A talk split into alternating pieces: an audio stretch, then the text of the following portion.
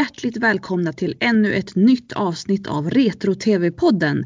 Podcasten för dig som älskar att nörda ner dig i gammal klassisk television. Med mig Linnea. Och mig Erika. Ja, och vi ska väl börja med att säga att i slutet av förra avsnittet där vi pratade om julkalendrar så sa vi att vi skulle prata om någonting helt annat i det här avsnittet. Och det ska vi väl i sanningens, säger man i ärlighetens namn, ja, eh, vara ärliga och säga att, att det, det, blir det ju inte riktigt för vi håller ju oss kvar i samma tema för att idag tänkte vi nämligen prata om jul och nyårs-tv. Ja men alltså är det jul så ska man väl prata om jul. det är ju jo. bara jul några dagar om året så då måste man ju dra ut ordentligt på det. Ja det är sant. Eh, och sen det som jag tycker är intressant är också det att det som vi traditionellt sett har sett på jul och nyår det är ju saker som fortfarande finns med. Så att i det här avsnittet kommer vi ju toucha lite eh, den nutida tvn också. Ja men precis. Traditioner de är till för att bevaras och nåd är den som ändrar på jultablån. Ja precis. Eh, men jag tänker så här att eh, alltså jul och nyårs-tv, jul-tvn börjar ju redan innan jul skulle jag säga. Kanske först ja. och främst dagen innan. Ja precis, det är ju ofta eh, olika uppesittarkvällar. Ja. Ehm, eh, och nu, nu, för tiden är det kanske främst Bingolottos uppesittarkväll som har gått sedan mitten på 90-talet. Men eh, lite äldre tittare kopplar nog mest ihop det med Ingvar Oldsberg som ledde uppesittarkvällen i SVT från 1983. Eh, jag skulle vilja fråga dig, hur ser din familjs tv-tradition ut dagen före julafton? Ja, alltså vi har inte mycket tradition dagen före julafton. Okay. Eh, det är väl ofta så visar de, någon kanal visar ju Love actually eller så. Mm. Och då kanske vi tittar på det men vi har aldrig vi har aldrig haft en sån gemensam tradition att, vi, att vi, det är något vi måste se på eh, dagen före. Jag vet att min sambo däremot, de har en väldigt tydlig eh, tradition av just den här uppesittarkvällen. Det är nästan viktigare för dem än själva julafton skulle jag säga. Ja, ja nej, alltså vi har inte heller någon tradition på det viset och verkligen inte av uppesittarafton. För eh, mina familjemedlemmar är ju kanske inte de som har mest tålamod i världen. Och att då liksom sitta och vänta på de här spelen tillsammans med lite glättig underhållning. Det är inte mina, min familjs liksom favoritgrej och särskilt inte en i familjens favoritgrej. Ja, nej. Jag tycker för sig det är lite kul med de här rimstugorna och det. Det kan jag tycka mm. är lite mysigt men om vi ser någonting så är det för att det råkar vara det som går på tv, inte för att eh, vi sätter på tvn för att se en speci ett specifikt program. Nej, okej. Okay. Nej, alltså som sagt, vi är också lite sådär att man ser det som är på tv. Men det vi brukar göra det är ändå att eh, dagen före julafton på kvällen så äter vi risgrynsgröt och sen så här skinksmörgåsar. Mm. Eh, och sen sitter vi nere i, i källaren för att det är väldigt mysigt att sitta där nere framför den öppna brasan när det är jul. Eh, och sen så eh, går det ofta någon sån här komisk, eh, alltså en komedi från 90-talet på tv som till exempel Ett päron till farsa firar jul eller Ensam hemma. Så vår tradition är nästan att försöka se någon av de där lättsamma filmerna och samtidigt sitta där framför brasan och, och äta gröt. Ja, men det låter väl som en riktigt bra tradition. Ja, det är trevligt. Och förhoppningsvis så har man allt städat och klart, julklapparna inköpta Eh, och man väntar bara på, på julafton. Sen var ju den här väntan helt annorlunda när man var liten mot vad den är nu. Ja, ja det går ju inte att riktigt, jämföra. Nej, det är ju inte riktigt samma magiska skimmer och samma förväntan eh, när man är 30 eh, som när man är 7. Nej, så är det ju. Eh, jag vet att min pappa brukar prata om det där för att när han var liten så var det så att när han gick och la sig den 23 så var det vardag precis som vanligt och sen när man vaknade på julafton då var allt pyntat och ordning gjort och det luktade skinka i hela huset för att då hade farmor varit uppe nästan hela natten och ordnat allt. Och han, han brukar prata om att det här var så otroligt magiskt just att man gick och la sig, det var vardag, man vaknade, då var det julafton. Eh, ja. Sen vet man ju kanske inte riktigt vad farmor tyckte om det här för gissningsvis var hon väl rätt utslagen större delen av julafton sen. Ja men herregud, stackarn! Och ja, gjorde hon det... allt själv också? Ja, som jag förstår det som, i alla fall som pappa berättade som. Sen vet ja. jag inte om det verkligen var så, men det är hans minnesbild av, av sina jular på, på slutet på 50 och början på 60-talet. Ja, nej, det är klart det måste ju ha varit magiskt. Som om en snöälva har liksom dragit in och förvandlat allting till ja. en magisk julvärld. Ja, han brukar fortfarande klaga lite när vi vill börja klä granen sådär några dagar innan julafton för det, det så får det inte vara. Okej. Okay. Ja men vi var också så förut att vi klädde granen ganska liksom, sent in på julafton. Men nu är det så här liksom, varför ska man klä den så sent? Är det inte bättre att kunna få njuta av den några dagar innan? För efter ja. jul så känns den ofta ganska liksom passé av någon anledning. Ja, det, var, det är precis det jag tänkte säga att eh, det fyller ju inte samma funktion efter julafton. Även om hemma så brukar vi ha den uppe, uppe fram till eh, 20 Knut som man ska. Eh, men jag har märkt att det börjar bli vanligare och vanligare att folk kastar ut sin gran direkt efter nyår eller kanske till och med i mellandagarna, vilket ja, jag tycker är jättemärkligt. Det tycker jag är jättefånigt. De bara nu är julen ute och in med krispiga tulpaner. Man bara Ja, nej men om dagen för julafton inte är så eh, traditionsbunden då, förutom uppesittarkvällen så är ju julafton desto mer traditionsbunden när det kommer till tv-tittande. Ja, för där har vi ju verkligen ett antal program som, som går specifika tider och som man måste se. Ja, definitivt. Sen, även om det här börjar luckras upp lite eh, med tanke på att vi har många fler kanaler, vi har streamingtjänster nu för tiden och så, så är det fortfarande mycket som sitter kvar hos folk att man ska se vissa program det jag tänkte börja prata om det är ju bara det här med SVTs julvärd. Ja just det. Eh, som de har haft eh, nästan hela, alltså ända sedan start. Eh, definitiva starten ska man väl kunna säga är 1962. Eh, och sen varje år eh, fram till nu då. ibland brukar man säga att Bengt Feldreich var den första julvärden för han har ju lagt det här dubbspåret på Kalanka och hans vänner önskar god jul. Mm. Och det sändes väl första gången i Sverige 1960 så ibland brukar man se det som en slags julvärd.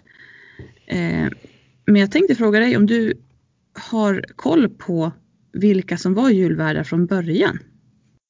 Oh, herregud. Nej, det har jag inte. Alltså, man förknippar ju bara det med Weise, men jag tror inte att han var från början. Jag kan tänka mig att det var någon sån här hurtig tv-hallå eller något sånt. Ja, det var Jeanette von Heidenstam. Ah. Jeanette von Heidenstam, Katarina Videll och Barbro Elfström. Jag misstänker att de andra två också med någon form av hallåor. Ehm, och sen har det under 60 och 70-talet så var det en ny eller två nya värdar varje år. Ehm, även om Arne Weise faktiskt dyker upp här redan 1964. Ehm, men det är först egentligen från 1981 som det är All in Arne. Okej. Okay. Ja, man föreställer sig på något vis att han hade suttit på sin stol där från, från 60-talet och framåt. Ja, eh, och just att han på något sätt på så pass få år lyckades bli en sån institution. Mm. Det tycker jag är intressant för att eh, det var tre år där slutet på 80-talet, början på 90-talet som han inte heller var värd. Utan då var det Björne som var värd tillsammans med, med någon annan. Vilket känns jättemärkligt också. Ja, men är det någon som ska ersätta Weise så är det Björn alltså. En sån charmig man, Björn. ja. Um, så att uh, Jeanette von Heidenstam har ju varit julvärd flera gånger säger jag också. Mm-hmm. Um, och bland annat då 1980 så var det hon och Arne Weise så att på något sätt lämnade hon över uh, stafettpinnen, stafettpinnen där. där och så tog han över. Okej, ja men det ser man. Så att det här är liksom, det är inte en ny tradition då att man byter eh, julvärd för varje år utan det var lite så från början och sen var det en period där man hade en och samma och sen har man gått tillbaka till det tidiga konceptet igen. Ja, precis. Um, på något sätt så kan man ju då säga att det här med att det ska vara Arne Weise på julafton det är ju en yngre tradition än till exempel Karl-Bertil Jonsson. Mm, uh, vilket också känns märkligt. Ja, verkligen, det håller jag med om. För Weise är en sån liksom stor och viktig, stor och viktig del av julafton kanske jag inte ska säga att det är, men det, han känns ändå som en institution på ett annat sätt än vad Karl-Bertil Jonssons julafton gör. Ja, han var ju Mr Christmas nästan. Det är som Gustav i Svensson Svensson. När han upptäcker att det är en annan julvärd och han utbrister Vad fan är Arne Weise? Vad är det där för jävla stolpskott? Var är Arne Weise? Arne Weise ska ju vara där. Det blir väl ingen jul om inte Arne Weise sitter där och är snäll i sin fåtölj. Och den kom ju ändå, alltså Svensson Svensson, det gick ju ändå där 93-94 någon gång. Mm. Eh, så det är också intressant för då hade ju Arne Weise visserligen suttit mer än tio år men fortfarande är inte en så pass gammal tradition att man kanske borde utbrista vart fan Arne, Weise. Nej, det- och speciellt inte i Gustav som är eh, i 40-årsåldern där som inte har växt upp med, med Weise i soffan. Ja, nej men eh, jag vet inte om vi ska gå rakt in på julaftons stora händelse. Vad säger du? Ja, det tycker jag. För att eh, jag vet inte om julvärdarna brukar det ju, ser julvärden första gången ungefär fem i tre för att de ska presentera Kalanka och hans vänner önskar god jul. Så du tänker att det är den största händelsen. Jag tänkte ju den här gudstjänsten på morgonen. Nej, jag skojar bara. Jag skojar bara. Eh, ja, nej men Kalle Anka där vid tre, precis. Ja, och det är Jag väl har då nog, dagen börjar liksom. Det är då vi får börja hänga med, med julvärden.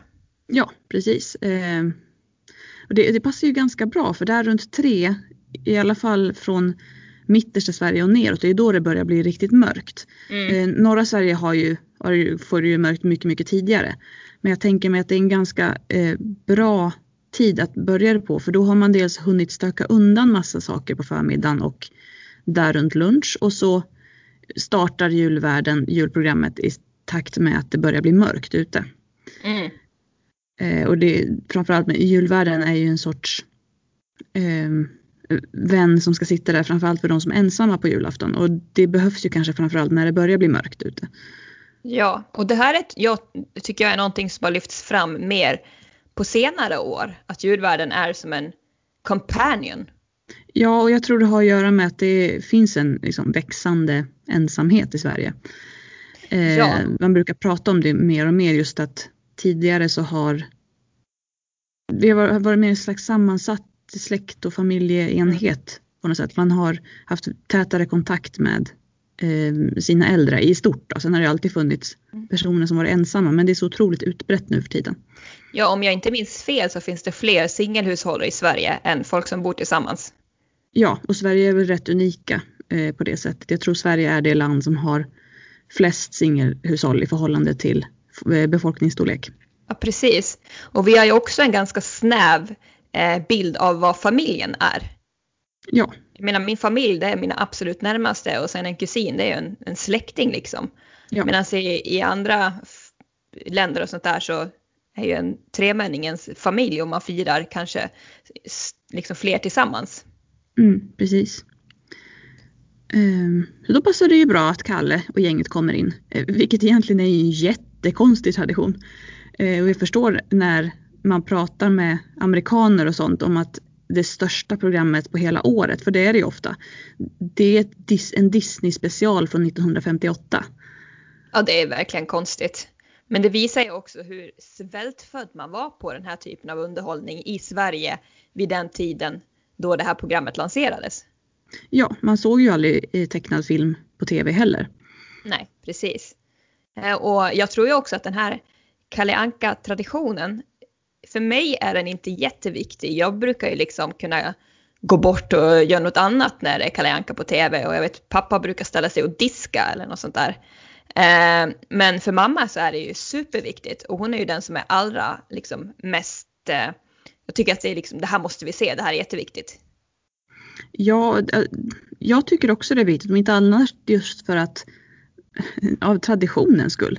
Sen så, och det är ju lite det, nu har alla sett det här programmet så pass många gånger att man kan kommentera allt som händer och det, är liksom, det finns ju alltid någon som skrattar åt, eh, åt den här arakoan, den lilla röda fågeln i Mm. Kalanka djungeln. Och det är alltid någon som kommenterar att man har eh, schackrut i färg i Mm. jultomtens verkstad. Eh, så det har ju blivit på något sätt någon slags metadiskussion om, om det här programmet. Mm. Ja, just det. Så man, det är inte så att man sitter längre och, liksom tycker att det är roligt och skrattar åt det som händer utan på något sätt så blir det en blick tillbaka på tidigare jular och man pratar som att alla är införstådda med vad som kommer hända. Mm. Mm, Det är nästan som att man bygger en brygga mellan nutid och det förgångna. Mm, så skulle jag säga. Ehm, Pa- Pappa brukar alltid prata om när han var liten något år så var det ett inslag med Piff och Puff när de hade krig med varandra. Mm. Och som Eh, sen togs bort. Och Ja, Det är han upprörd över för han tyckte Ja. att det var liksom det mest underhållande. det är så kul för min pappa brukar också vara upprörd över det här. Han, han nämner det varje år att de har bytt ut den riktiga Piff och Puff kortfilmen mot den här nya där de är i Plutos julgran. Ehm, och så att ett år så letade jag reda på den, på den så att säga riktiga kortfilmen som heter Toy Eh, Den kallas för Nötkriget på svenska. Eh, för den finns på Youtube och så tittade vi på den efter Kalanka Och då, då var han nöjd. Så jag kanske Ah. får skicka den till dig så får du visa den för din pappa.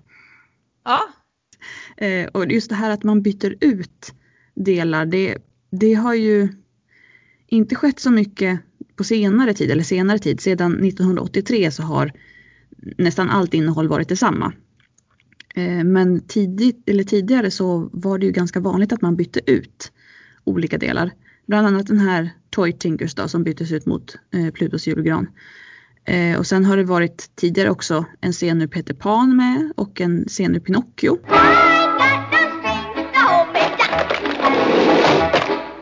okej. Så det har varit en viss variation i inslagen i programmet och idag så har vi ju bara på senaste åren så har man ju tagit bort vissa scener i några av de här filmerna. Eh, för Ja. att de anses stötande idag. Eh, eller till exempel i, i då Kalanka djungeln så finns det ju en scen som har varit jag vet inte om den ens har varit med från början men det är ju en scen där Kalanka tar fram en kulspruta och försöker skjuta den här arakoan. Och det är ju bortklippt. Eh, så att, och det var orsaken till att man tog bort den här Piff och Puff kortfilmen också för att den ansågs vara så våldsam. För att Kalle och Piff och Puff har ju ett, ett krig mot varandra. De skjuter varandra med små leksakskanoner och grejer. Och fy, och fy. Mm. Jag känner vilken liksom våldsamhet som kommer breda ut sig i samhället på grund av att Piff och Puff och skjuter liksom lite Ja. grejer. Men det Eh. tycker jag också är så konstigt i den här eh, eh, djungelexpeditionsgrejen. Att man tar bort när Kalle har en kulspruta, men man behåller när den här fågeln liksom hänger sig i en snara och försöker skjuta sig Ja. i huvudet. Ja, det är inte riktigt konsekvent det där. Ehm, och det är, ja, det är samma sak tycker jag också nu när, se- senaste gången när de censurerade vissa scener i, i jultomtens verkstad för att de anses rasistiska idag. Man tog till exempel bort den här Pickaninny-dockan och man tog bort en scen med en docka som uppenbarligen är en judisk karikatyr. Men samtidigt behåller man då den här korta sekvensen i Snövit där eh, Toker sätter en symbol på huvudet och låtsas vara eh, asiatisk. Ehm, Just det. Och så har man kvar de asiatiska dockorna i, i jultomtens verkstad också. Och då, då funderar jag också på vad det egentligen är man censurerar. För man Mm. borde ju vara konsekvent då och ta bort alla rasistiska stereotyper. Tagit bort några men behållit de asiatiska stereotyperna. Ja, oj då. Ja, då känns det lite som att det är ett spel för galleriet bara. Ja, det, och det ska ju sägas att de här ändringarna eh, var ju krav från Disney i USA. Det är ju inte SVT som har tagit det beslutet. Nej. Eh, och det säger kanske en hel del om hur långt USA har kvar just när det gäller rasism mot eh, Asian Americans och så. Gud ja, gud ja. Där har de en riktigt mörk historia. Som är väldigt, ja de har ju överhuvudtaget en mörk historia när det kommer till rasism och diskriminering och, och Ja. eh, karikatyrer och så. Ja, men det känns som att de har börjat ta tag i det som gäller afroamerikaner men de ligger Mm. fortfarande efter när det gäller vissa andra eh, rasifierade personer. Verkligen. Eh, men sen är det ju så kul också när, när det väl sker någon, eh, någon förändring i Kalanka så blir det ju ramaskri. Eh, Ja. Som det, var, det var något år som de hade tagit bort eh, tjuren Ferdinand. Eh, och så blev det så stor debatt för det här hade annonserade SVT i förväg. Eh, så att de var tvungna att sätta in den igen direkt efter programmet. Så den gick ändå 1982. Fast inte i själva kalanka programmet utan de fick sätta in den som en extra kortfilm efteråt. Ja, de blev nerringda eller? Ja, precis. Var är Ferdinand? Ja, och det, det kan jag förstå. Jag tycker att Tjuren Ferdinand är den bästa delen av hela kalanka. Vad satte man in istället då? Eh, jag tror man satte in den fula ankungen. Åh fy vad tråkigt. Mm. Ehm, ja. Jag förstår upprördheten. ja, och som sagt för att alla de här scenerna ur, ur de tecknade långfilmerna, de, de tycker jag är trevliga men de filmerna har man ju sett i massa andra sammanhang men de här kortfilmerna har man ju inte förrän kanske de senaste tio åren kunnat se, för nu kan man ju se dem på Youtube, man kan ju leta upp dem och se dem där. Mm. Eh, men förut så kunde man inte få tag i dem på något annat ställe så att de blev ju väldigt, väldigt viktiga och då att klippa bort just en, en av de här kortfilmerna, det, det tycker jag blir fel. Ja, nej men det är ju trist. Eh, men på tal om långfilmerna, så vi har ju bland annat ett inslag med Robin Hood. Ja. Eh, och eh, nu kanske jag är helt ute men man får väl se när han ja, men tar tillbaka pengarna från, Ja, eh, Från från, vad heter han? Från prins John, John. precis. Eh, och sen så kommer sista scenen i den här Robin Hood-grejen. Det är ju, och så fick Robin Hood sin Ja. Marion. Man bara va? Det- Det har ju inte handlat det- någonting om det. nej det är så konstigt klippt. Det är bara det att någon har väl insett att det, den scenen, för precis när de klipper därifrån till den här scenen med Marion så upptäcker ju en av de här eh, kaninmamman det, hon upptäcker att en av hennes barn är kvar i, i den här borgen. Sker i långfilmen är ju att Robin Hood lämnar den här vagnen och sticker tillbaka för att rädda det här kaninbarnet och sen blir det en stor eh, fight-scen mellan honom och sheriffen av Nottingham där de börjar tända eld på hela slottet och man tror att Robin Hood har dött och så. Just så det. det går liksom inte att fortsätta den scenen och därför blir det ett jätte, jättekonstigt klipp. Bara för att det, det är ju ändå julafton, det ska ju sluta fint liksom. Mm. Eh, men framförallt idag när det kanske är många som är vana vid att klippa film själva, för det har ju blivit mer av en, en allemansgrej. Så märks det så tydligt när det blir ett dåligt klipp. Ja, verkligen. Ja, det där är ju någonting som man alltid har reagerat på. Liksom bara, jaha, okej, ja, ja, sure, visst. Ja.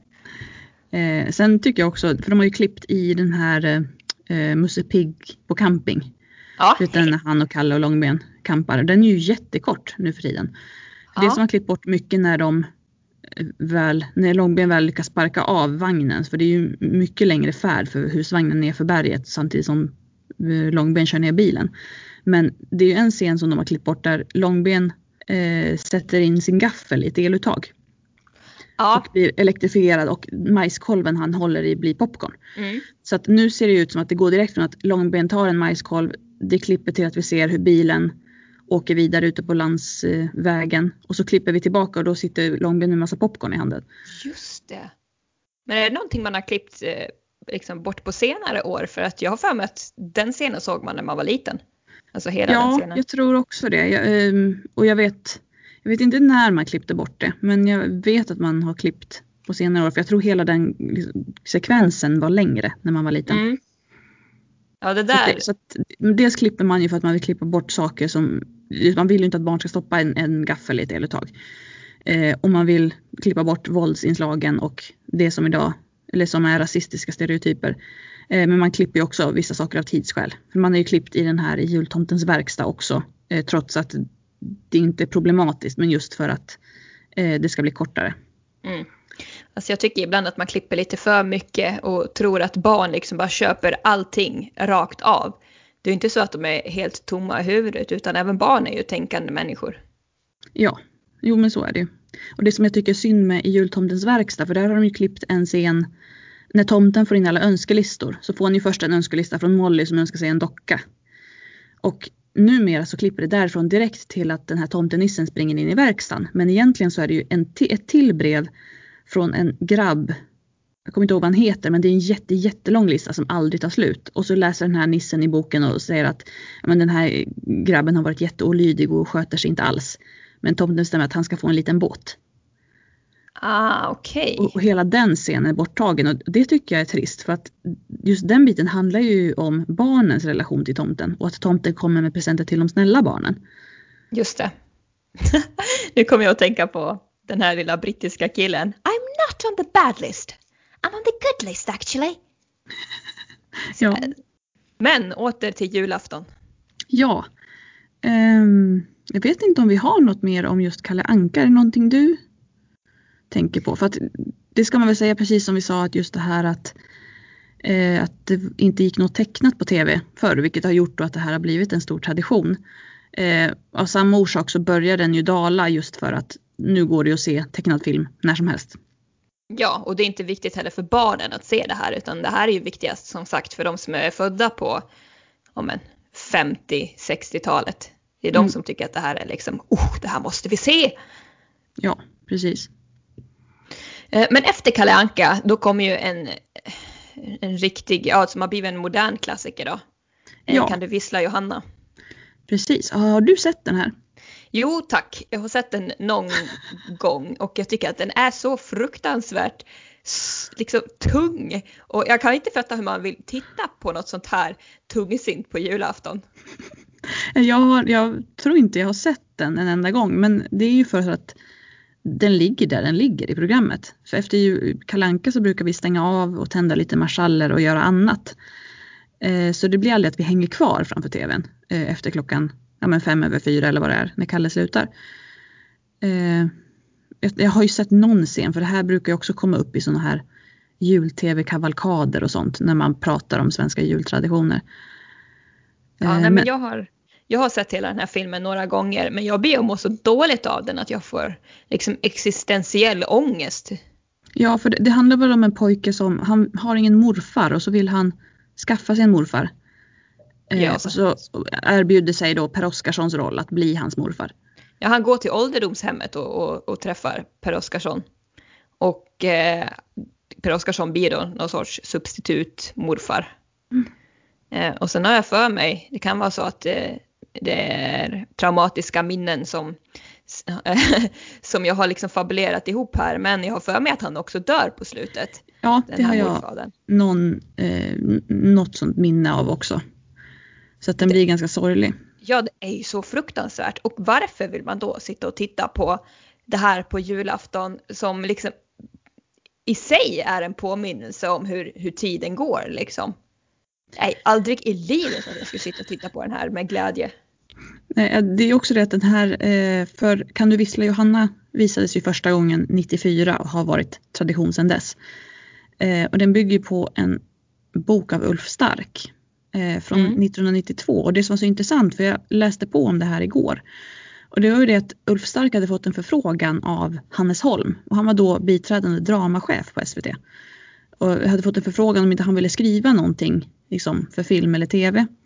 Och då höll han ju på att skriva på den här boken så han skrev fil, eh, filmmanuset parallellt. Okej.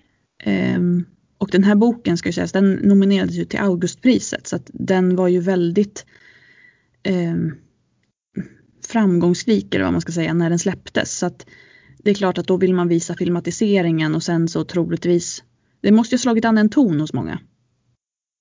Ja, eller så har man liksom bara överskattat hur många som tittar för att folk har tvn liksom så här på efter Kalle Anka och liksom sen blir det undersökningar. Tittar du på Kan du vissla Johanna? Jo, men tvn var ju på så jo, vi tittar Ja. väl lite på det. För att jag har aldrig pratat med någon som tycker om Kan du vissla Johanna?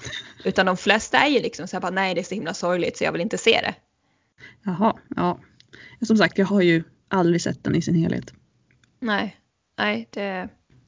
Men det är klart, det är en liten tillbakablick till det svenska folkhemmet och sådär. Så det kanske finns de som tycker om att titta på det av nostalgiska skäl och för tidsandan. Ja, så kan det vara. Eh, Men sen, eh, för min del i alla fall, sker det inte så mycket på tv förrän då där, eh, det här brukar gå på lite olika tider, men någon gång runt kvart över sex fram till halv åtta någonting, så går ju det som jag tycker är höjdpunkten av jul-tv, nämligen sagan om Karl-Bertil Jonssons julafton. Just det. Och det här är ju så märkligt, för det här är ju någonting som, som du då tycker är jätteviktigt och alltid ser. Och jag har ju aldrig sett det. Nej, och det, det, det är så många från vår generation som aldrig har sett den här och för mig är det så konstigt just för att jag tycker att eh, om jag skulle välja ett program att se på julafton då väljer jag ju Karl-Bertil, jag väljer inte Kalle. Eh, dels för att det är så tydlig julstämning rakt igenom och jag tycker det är en så bra berättelse. Jo, det är ju en modern Robin Hood kan man säga. Ja, jo men så är det. Eh, och den, kom ju, den gick ju första gången 1975 eh, och har gått varje jul sedan dess. Eh, och det, det, är så, för det är så kul med den här för det är så många citat från den här filmen som används i helt andra sammanhang. Så att även om Även om jag har svårt kanske att hitta folk i vår generation som har sett den så är det många som kan dra ett sånt citat, kanske utan att veta var det kommer ifrån. Men till exempel, ska det lukta på glöggen pojk? Eller ehm, det var ta med fan det finaste jag hört sedan jag konfirmerades. Eller ta mig fan säger han nog inte. Men det är mycket sådana, eh, eller ska du ha ett fikon? Det hör jag ganska Okej. många som, som Nej, drar. jag, jag skulle aldrig ta det, de referenserna. Du, du får är- uppdrag att se den här Erika. Ja, jag ska faktiskt ta och göra det.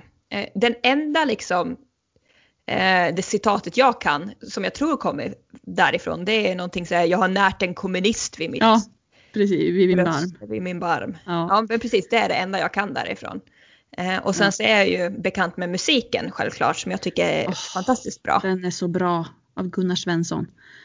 Och Jag den framförs av, av honom och Arne Domnerus och Sture Åkerberg. Åh, Ja, den är väldigt bra. Jag var faktiskt ute på en promenad här om kvällen. Och här i Norrköping i december så är det ju väldigt mysigt för de har ju någonting som heter Norrköping Light Festival. Så det är massa ljusinstallationer överallt.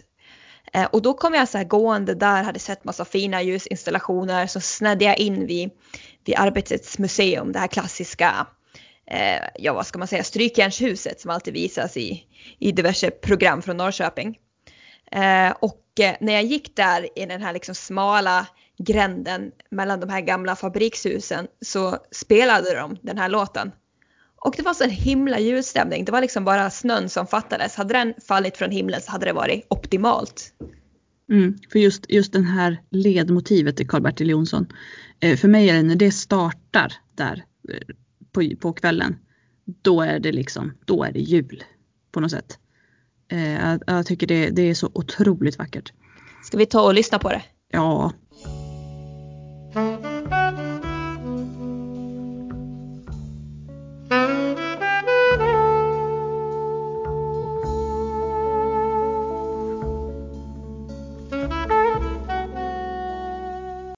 Ja, det är väldigt vackert som ja men det är så stämningsfullt. Det, är- ah, det är så bra. Det är så fint. Eh, och sen i efterhand så har ju någon skrivit en text till det här för jag vet att jag har hört eh, det här stycket sjungas av både Tommy Körberg och av Svante Turesson. Och vi sjöng något körarr på det här när jag gick på Balettakademin vet jag. Eh, ja, det är väldigt, väldigt bra. Sen gjorde de ju en musikal av det här för något år sedan som jag såg på Skala teatern i Stockholm. Just det, den var väl väldigt bra har jag för mig. Ja, jag tyckte det var väldigt, väldigt fyndigt. Eh, Det var ju Henrik Dorsin som drog i trådarna.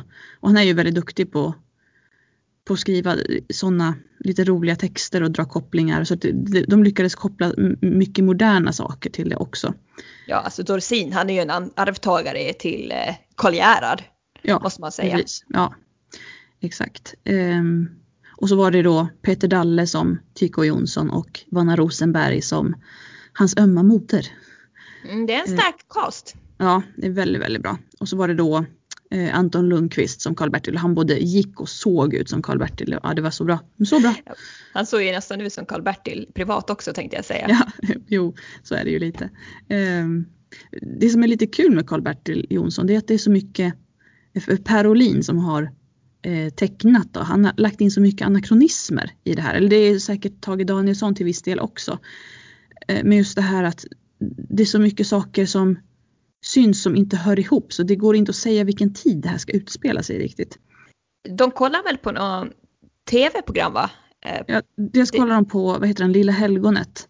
Just det. Eh, Det är den som är julfilmen men samtidigt tidigare så går det nygammalt med, med Ja, Bosse Larsson. Ja precis och det, det började ju gå på 70-talet. Det lyssnar de på om det är på radion eller vad det är.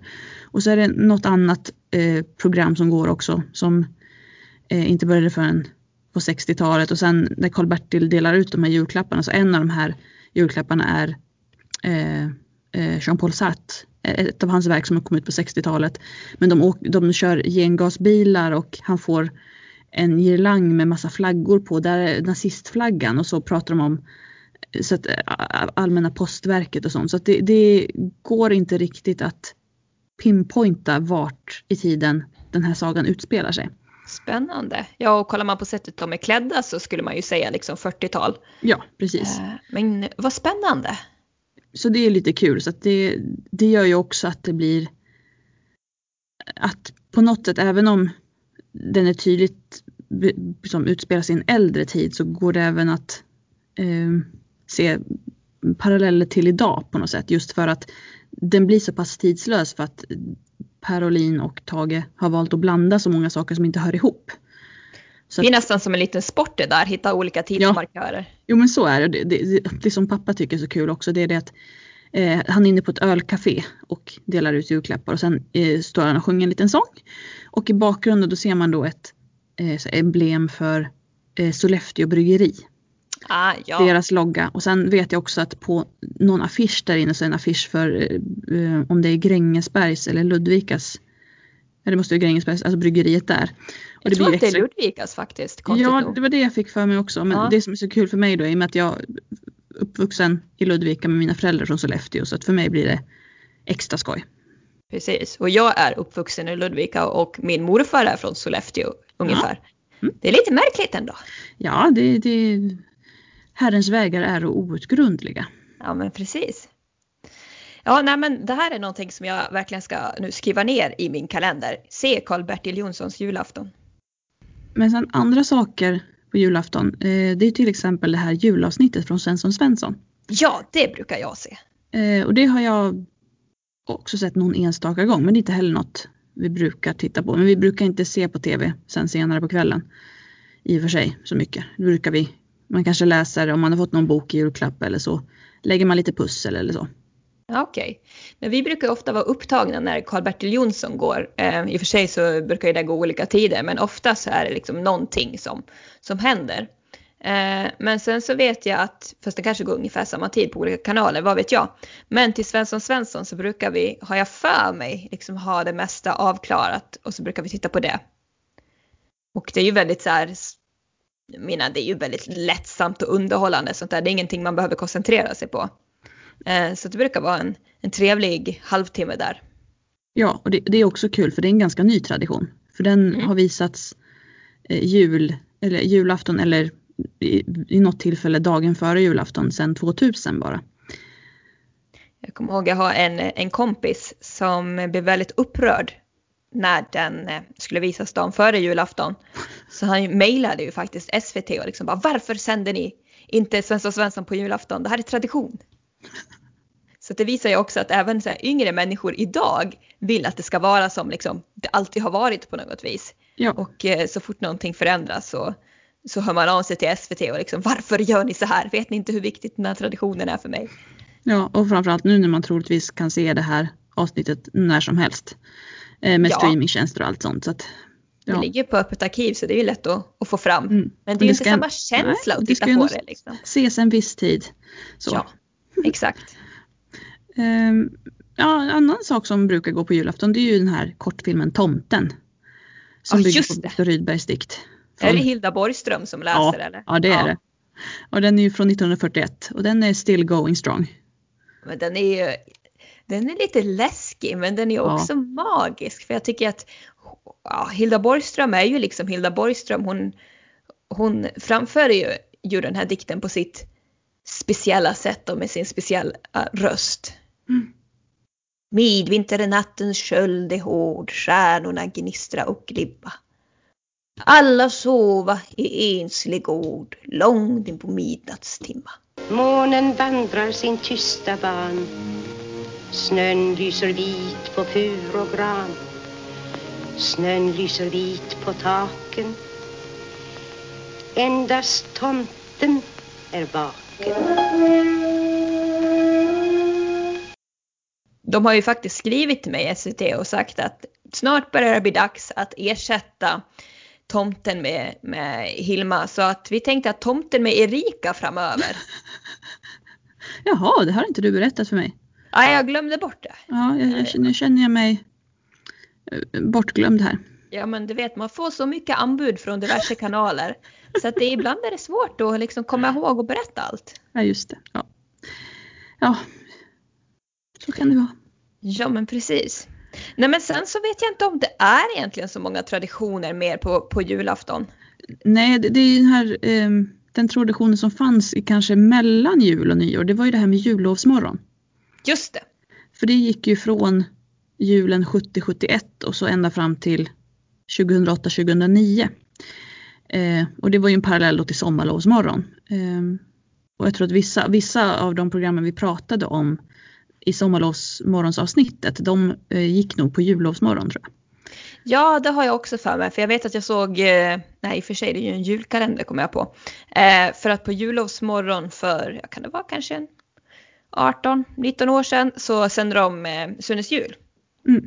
Så att det verkar ju aldrig ha varit en lika stor produktion när man gjorde jullovsmorgon som sommarlovsmorgon. Nej, så är det och eh, det lades ju också ner eh, där efter eh, 2008-2009 just med argumentet att det är färre som tittar under julen så att det fanns liksom inget underlag tyckte de på SVT. Nej, och det kan jag förstå för att det finns så himla mycket annat att titta på under jul. Ja, och mycket annat att göra också tänker jag. Ja, absolut. Men något annat som, som är ändå lite tradition det är ju att SVT brukar komma med, med ganska stora dramasatsningar i mellandagarna. Mm. Eller har i alla fall gjort. Ja. Och ofta något sånt där historiskt eh, kostymdrama. Precis, det är väl en av deras största satsningar varje år. Mm. Jag vet inte om de senaste åren har varit eh, Fröken Friman så i år blir det det här eh, 1950-talsavsnittet av Vår tid är nu. Ja, jag har förstått det som att det är så, så de gör också. Sen tänker jag ju att några år så har det skjutit så de har ju inte börjat med det i mellandagen utan det har snarare varit, snarare varit kanske något som de har startat med alltså efter nyår eller runt ja, 13 helgen. Just så det. det. där har ju också skiftat lite i tid när man visar och det är troligtvis just för att det redan är så fullpackat under mellandagarna och så så man kanske inte vill lansera sin nya stora serie de dagarna utan man tar det efter nyår när det börjat lugna ner sig. Så kan det nog vara, helt klart. Det är mer de här programmen som, som alltid har gått som går i, i mellandagarna. Eh, och jag, jag tänker bland annat på en riktig sån mellandagsklassiker. Det är ju tv-versionen av Fanny Alexander. Ja, just det. Mm. Och eh, ja, jag minns att jag såg den för första gången. Jag tror att det var julen 2003. Och alltså den förändrar ju liksom hela min värld. Jag har haft två sådana tillfällen. Den första var när jag såg Gösta Berlings saga. Och den andra var när jag såg Fanny Alexander. Det är liksom som få en liksom I was gobsmacked som man säger i norra England kanske. Ja, den är ju verkligen ett mästerverk den. Ja, alltså jag, jag kan inte påminna mig om att det finns något bättre i svensk film och tv-historia. Och att det, alltså det är ju som story men sådana skådespelarinsatser. Mm. Alltså det är helt enormt och den casten man hade. Och jag såg att man ska sända den även i år så har ni inte sett den eh, långa fem timmars versionen av Fanny Alexander så tycker jag verkligen att ni ska passa på för att det är en, en upplevelse utöver det vanliga. Och det är kanske också det mest tillgängliga av Bergmans verk. Ja, eh, det är det definitivt. Och framförallt just fem timmars versionen är ju eh, så mycket bättre än film eller bioversionen som är ungefär tre timmar. Eh, för det, det blir så mycket ska man säga, det, det blir så mycket fylligare berättelse när man får se alla fem timmar. Ja, absolut. Det, det, är mycket som försvinner när man skär ner någonting med, med två timmar. Och ja, nej, det här är en, en upplevelse. Jag förstår att den vann fyra Oscar. Eh, och då var ju filmversionen och den här är ju ännu bättre. Så att ja, eh, ja nej, det här är världsklass. Absolut världsklass. Mm. Och sen är det så mysigt också för att det är så, speciellt första delen av filmen, innan Emily gifter sig med biskopen spelad av Jan Malmsjö, så, så är de ju och, och firar jul hemma hos farmor Helena i det här fantastiska 1800-tals, eh, ja i den här stora 1800-talsvåningen och det är så ombonat och det är rött och grönt och det är en vacker julgran. Alltså det Men... finns ju inget julfirande som är så klassiskt som det är i Fanny Alexander. Nej men där har man ju verkligen slagit på allt. Det är ju julfirande gånger hundra där. Eh, men allt det här leder ju upp till egentligen nästa stora tv-dag eller tv-helg kan jag säga och det är ju nyår. Ja men precis. Och eh, här tror jag också att folk har väldigt olika eh, traditioner men det känns som att det finns vissa saker som är ändå liksom institutioner och som många samlas omkring. Eh, och det första då jag tänker på det är ju Grevinnan och betjänten.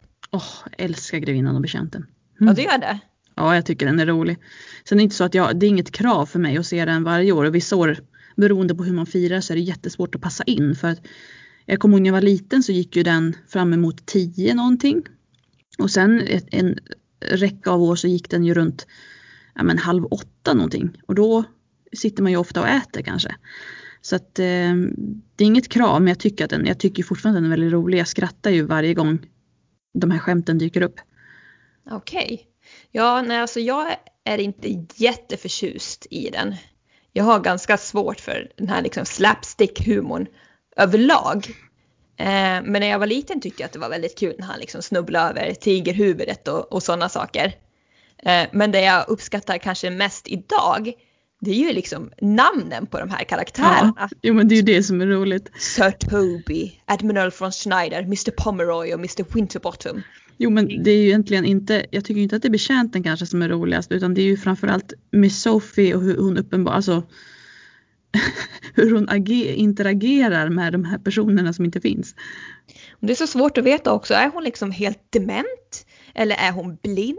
Eller lever hon bara liksom i en värld där hon är fullt medveten om att de här personerna som hon har bjudit in är döda?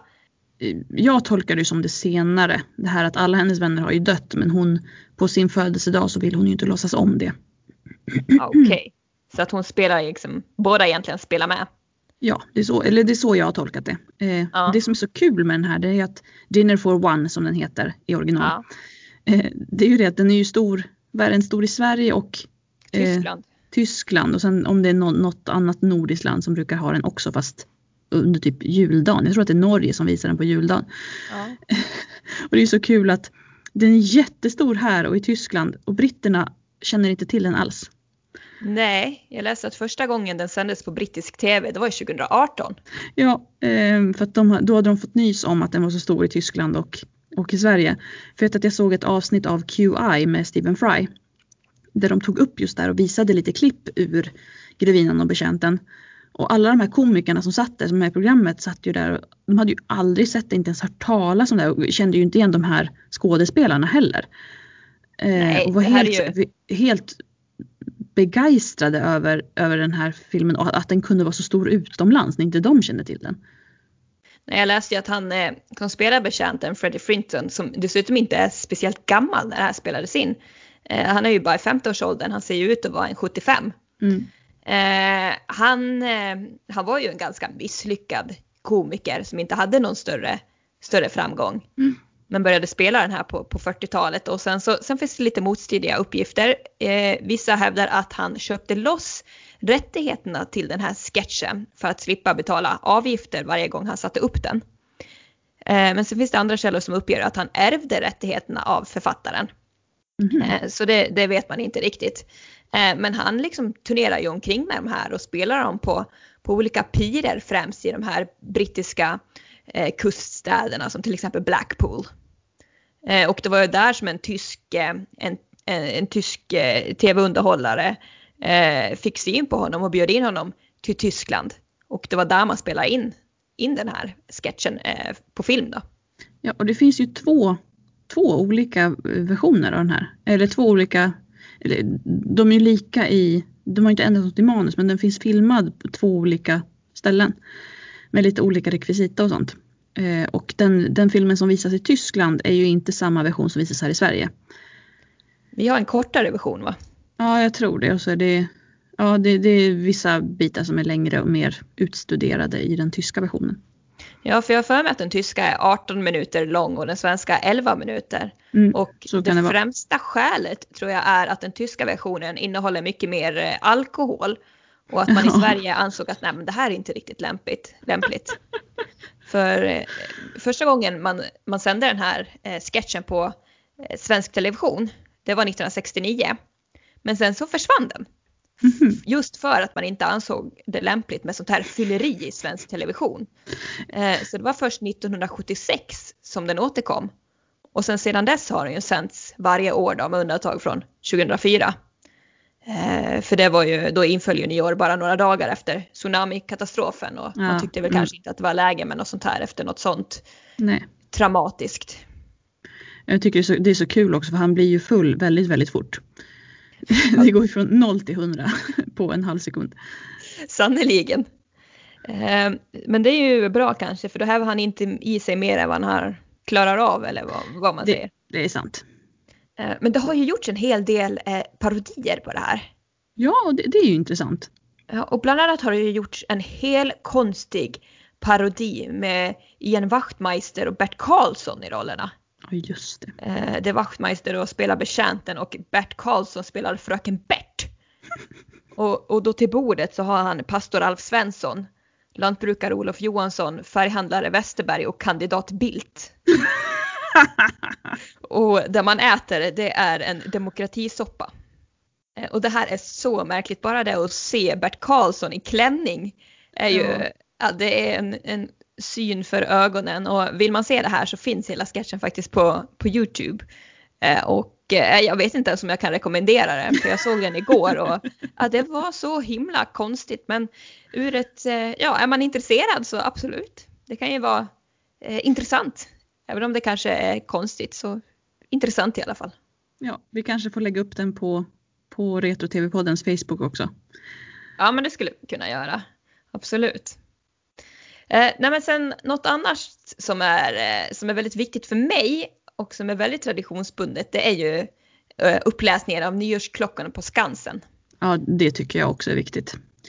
Eh, Jag har ju senaste åren så har jag ju firat nyår med min numera sambo. Och för honom är det otroligt viktigt att man firar nyår tillsammans med vänner. Och det är ju lite nytt för mig för jag har alltid firat tillsammans med min familj och med släkten. Eh, så det blir ju två helt olika typer av firande men det som, som jag ändå har krävt är att dels att vi ska äta någon slags riktig middag och inte bara tilltugg på nyår men framförallt att jag vill se eh, uppläsningen på, på, av, av den här dikten på Skansen. Eh, för att det är så många andra i vår generation som när det blir tolvslaget så går man ut och smäller fyrverkerier. Eller numera kan man ju inte det men sådana här kinesiska lyktor eller tomtebloss eller så. Eh, och jag tycker att det blir ju inte riktigt nyår utan, eh, utan Tennysons dikt. Nej, jag håller med. Jag håller helt och hållet med. Man ska se det där. Och jag menar den här, den här traditionen den är ju väldigt lång. Den går ju tillbaka långt före televisionens födelse. Ja, Redan under Skansens första år på 1890-talet så, så gjorde man ju det här. Eh, och den allra första att läsa Nyårsklockan det var en person som heter Nikolaus Bergendahl. Mhm. Eh, och han var faktiskt anställd vid Postverket som kontrollör.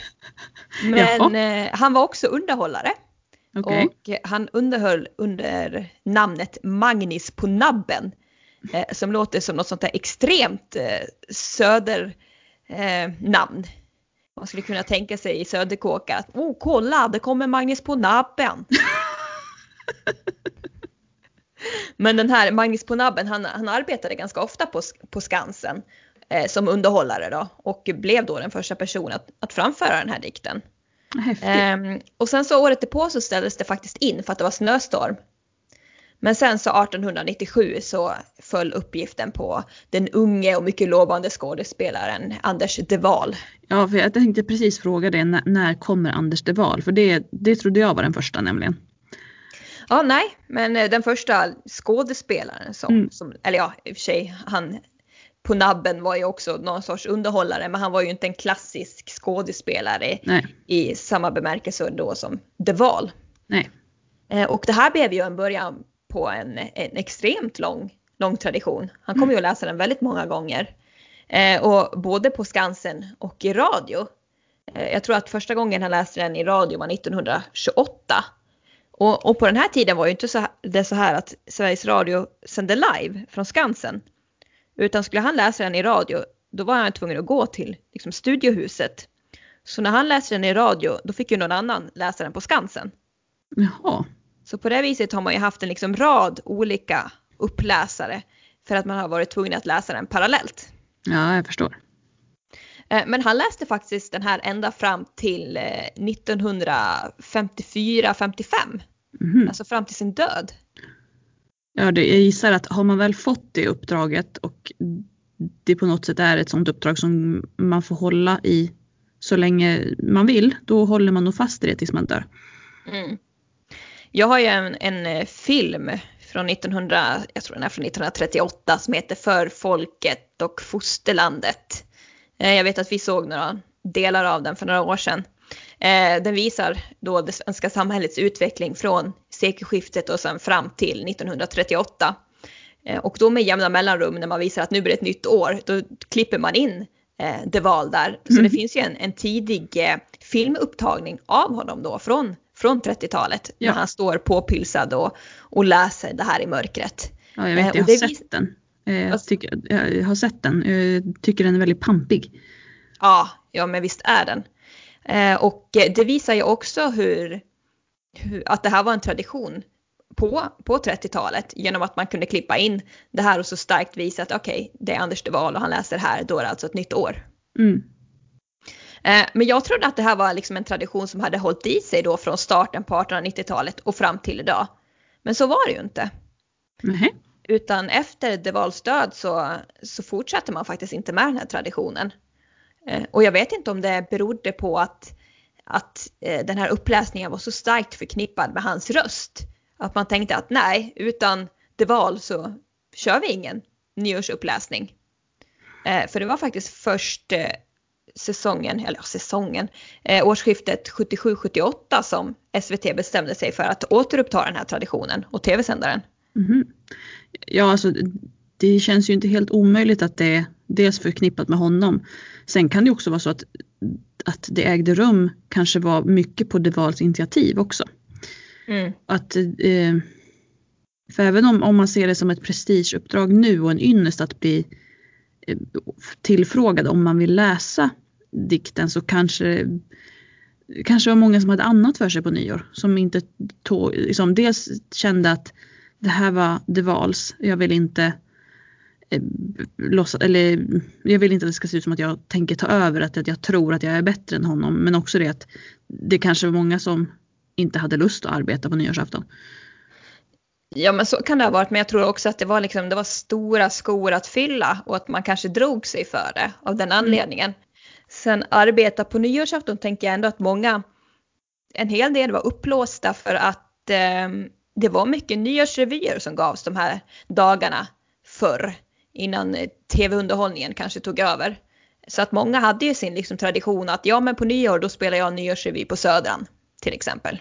Jo, jo men det är det jag tänker också att man kanske om man spelade tidigare på dagen då vill man ändå ha natten fri att festa in nyåret. Då vill Mm. man inte åka från, för ofta om man hade premiär på sin nyårsrevy på nyårsafton så vill man inte åka från premiärfesten till Skansen. Nej, utan då vill man sitta hemma och dricka champagne och vänta på att morgontidningen med recensionen ska komma. Ja eller, eller ha nyårsparty tillsammans med resten av ensemblen tänker jag. Jag tror att man åkte direkt hem, satte sig och väntade och var livrädd över vad som skulle stå. Ja. Eh, nej men i alla fall, 1977 så då lyckades man ju få till det här igen och då följer valet av uppläsare på den mästerlige Georg Rydeberg. Ah, ja det är verkligen också jättebra. Ja, det är ju tack, det är ju någon som har lagt upp det här på Youtube från något av åren han läser och det är, det är så fantastiskt bra. Jag tycker vi, vi klipper in lite här av, av Rydeberg så får ni som inte har hört honom läsa dikten möjlighet att göra det. Ring klocka. Ring i bistra nyårsnatten mot rymdens norrskensky och markens snö. Ring själaringning över land och vatten. Ring ut, ring ut i tusen krigens år. Ring in den tusenåra fredens rike. Alltså sättet som han artikulerar på och den känslan han har, det, det finns liksom inte bland dagens skådespelare. Nej, det är helt oöverträffat det här.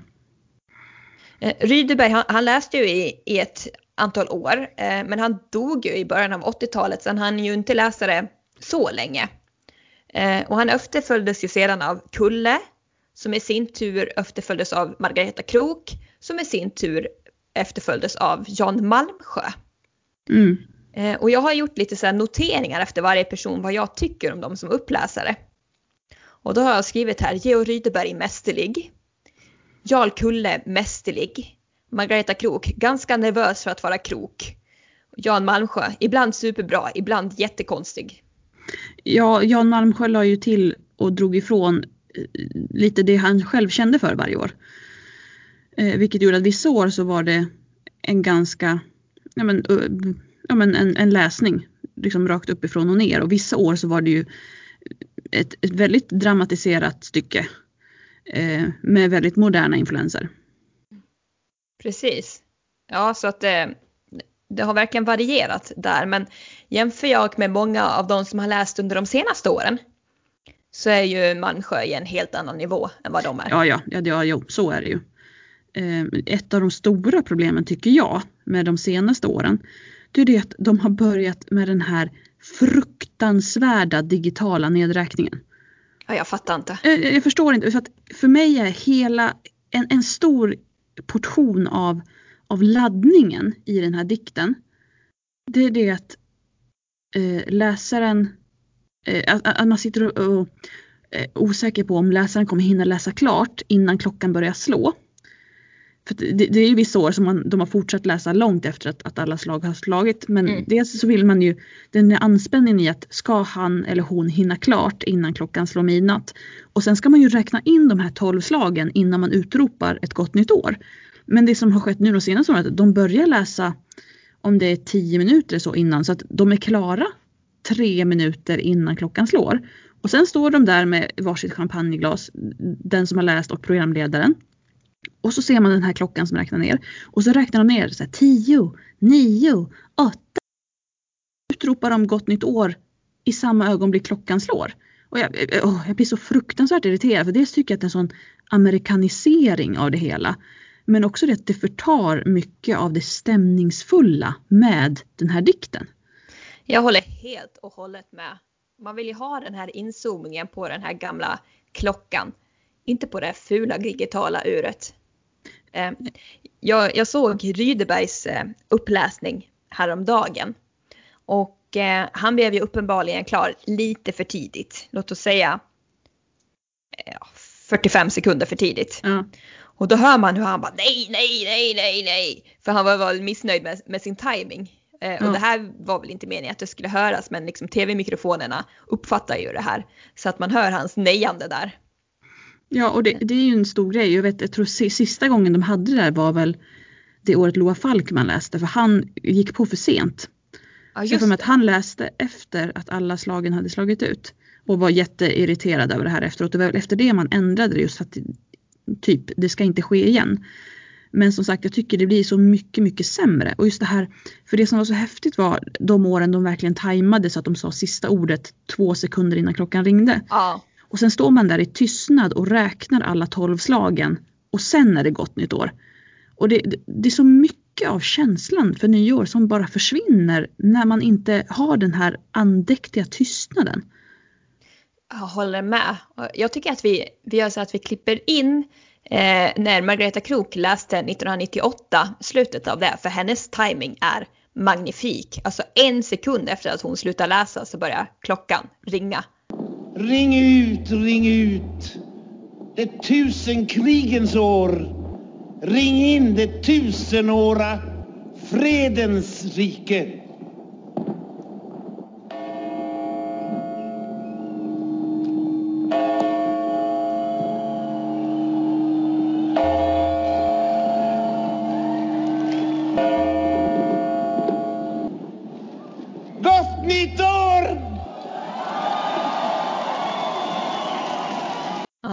Det där kan man kalla timing, inte sant? Ja, det är riktigt, riktigt bra.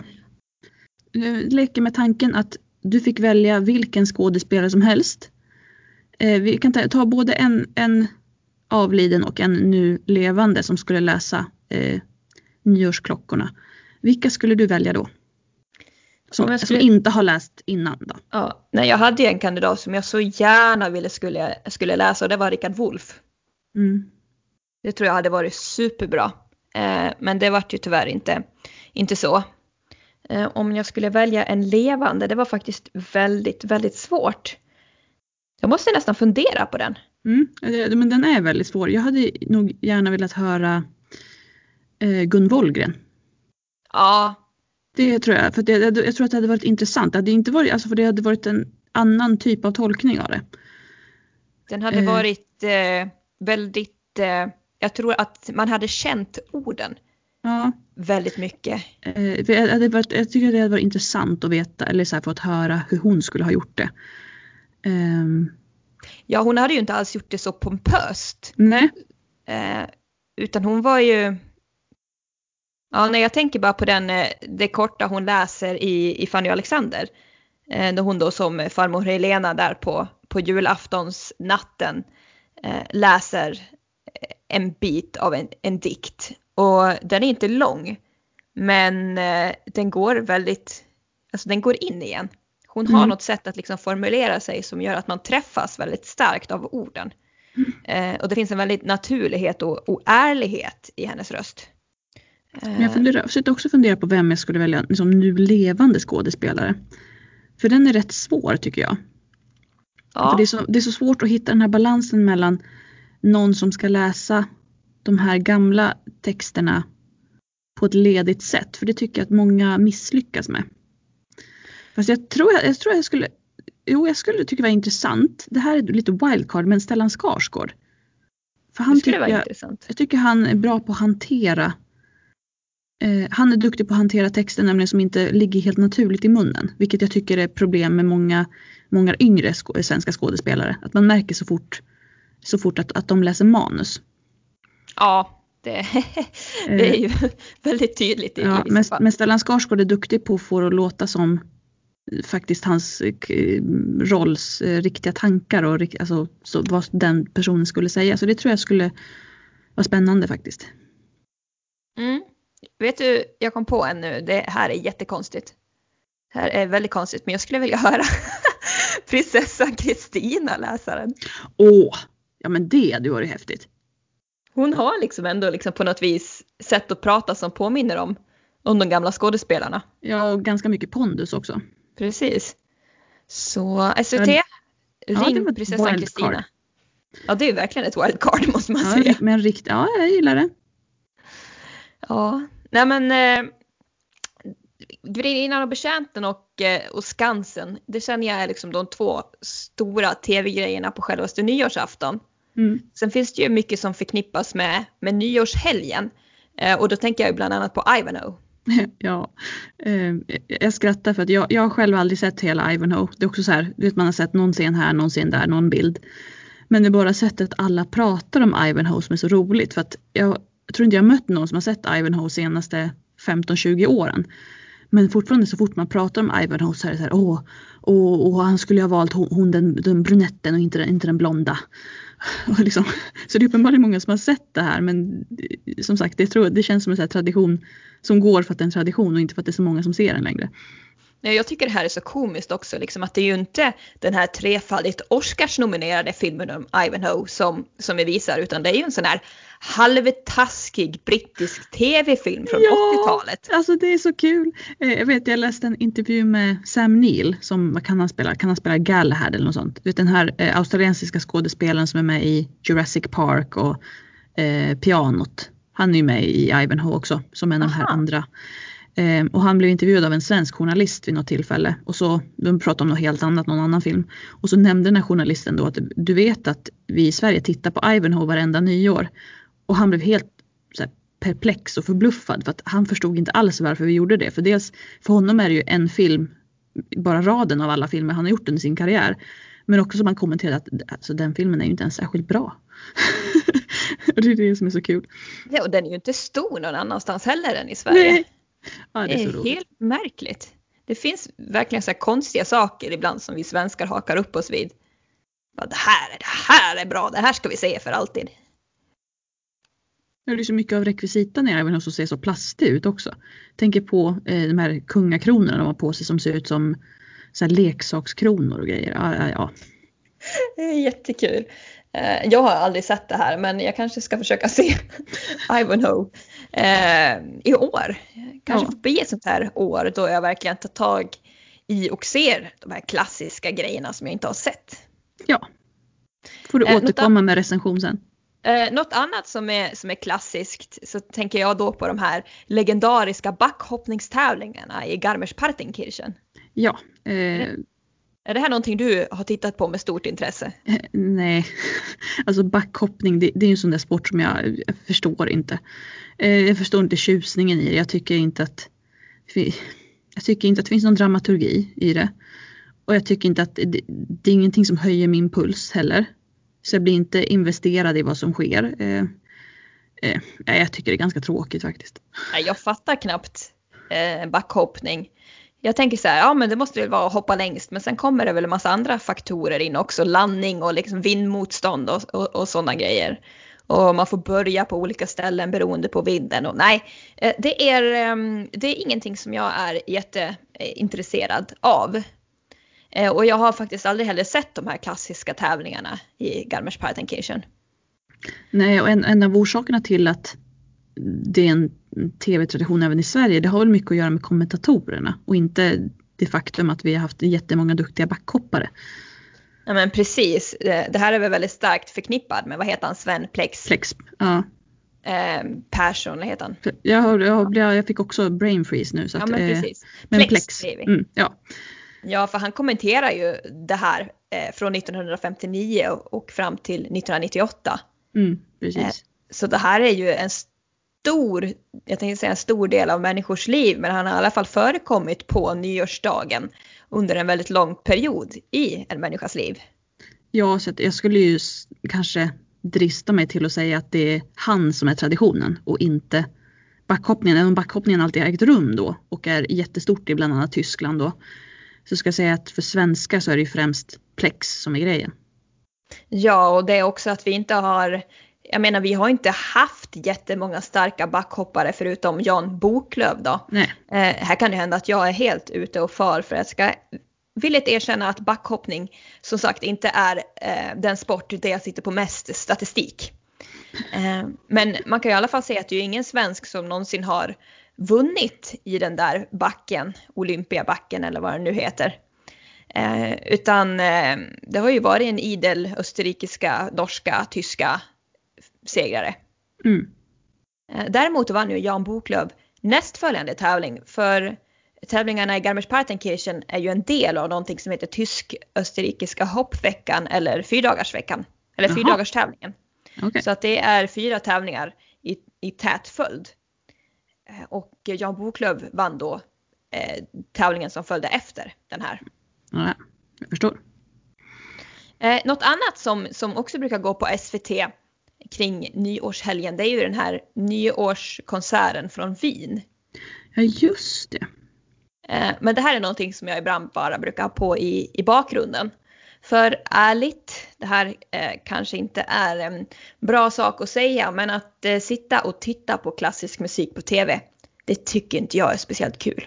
Nej, alltså man ska ju antingen uppleva det på plats eller eh, som sagt, jag tycker det är väldigt trevligt att ha i bakgrunden och lyssna på. Framförallt eh, när jag sitter och pluggar så är det superbra med klassisk musik. Men att titta på en klassisk konsert på tv, det, det, det nej. Det kan vara Man- ganska trist även i verkligheten. Ja, man tappar så mycket dimensioner också. Det vet jag som vi, eh, jag sjunger i en kör här i Borås eh, och nu när de eh, drog ner eh, eh, antalet personer som får mötas till åtta så försvann ju den adventskonserten vi skulle ha gjort. Men då gjorde det så att vi fick träffas några få och filma några eh, låtar som sen klipptes in i gudstjänsten som gick första advent. Eh, så vi stod väldigt långt avstånd vilket är väldigt jobbigt när man sjunger i kör. Eh, men så sjöng vi bland annat Otto Olssons advent och eh, vad heter den, Gör en portarna höga. Och där hade vi en solist som sjunger jätte, jättebra och verkligen fyllig röst. Det, det är så mycket stämning. Eh, Jag vet jag stod där i kyrkan när vi sjöng in och fick gåshud för det var så bra. Och sen när det då sändes på webben på första advent så blev det så platt. För Åh, nej, att en, en filmning tappar ju så mycket övertoner och så mycket känsla och det är ju exakt det som sker med en klassisk konsert som är filmad. Just det. Kommer jag att tänka på nu när eh, både du och jag, vi spelade ju i Västerbergslagens eh, musikskola. Mm. Du spelade trombon och jag spelade fiol och ibland hände ju att vi hade konserter tillsammans. Och då vet jag, då har ju du berättat liksom hur ni höll på att somna under eh, våra stycken Ja, och publiken också.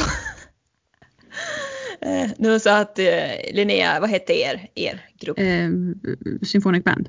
Ja, ni spelar ju jäkligt svängiga låtar som folk kände igen. Ja, vi spelade ju populär musik och lite allt möjligt men det var ju mycket fart och fläkt liksom. Och vad spelade vi? Jo, vi spelade ju långa, långa, långa avancerade klassiska stycken. Ja, vilket det är jättebra ur studiesyfte och för att ja, men bli bättre på att spela. Eh, men det var ju kanske inte det som publiken, i alla fall inte hemma, tyckte var intressant att lyssna på. Men många i publiken kom ju dit för att lyssna på sina barn också så det var ju kanske inte de stora musikentusiasterna som kom heller.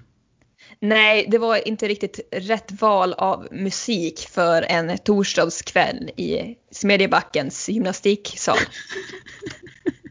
Nej, så kan man uttrycka det. Ja, nej men du Linnea, vet du vad?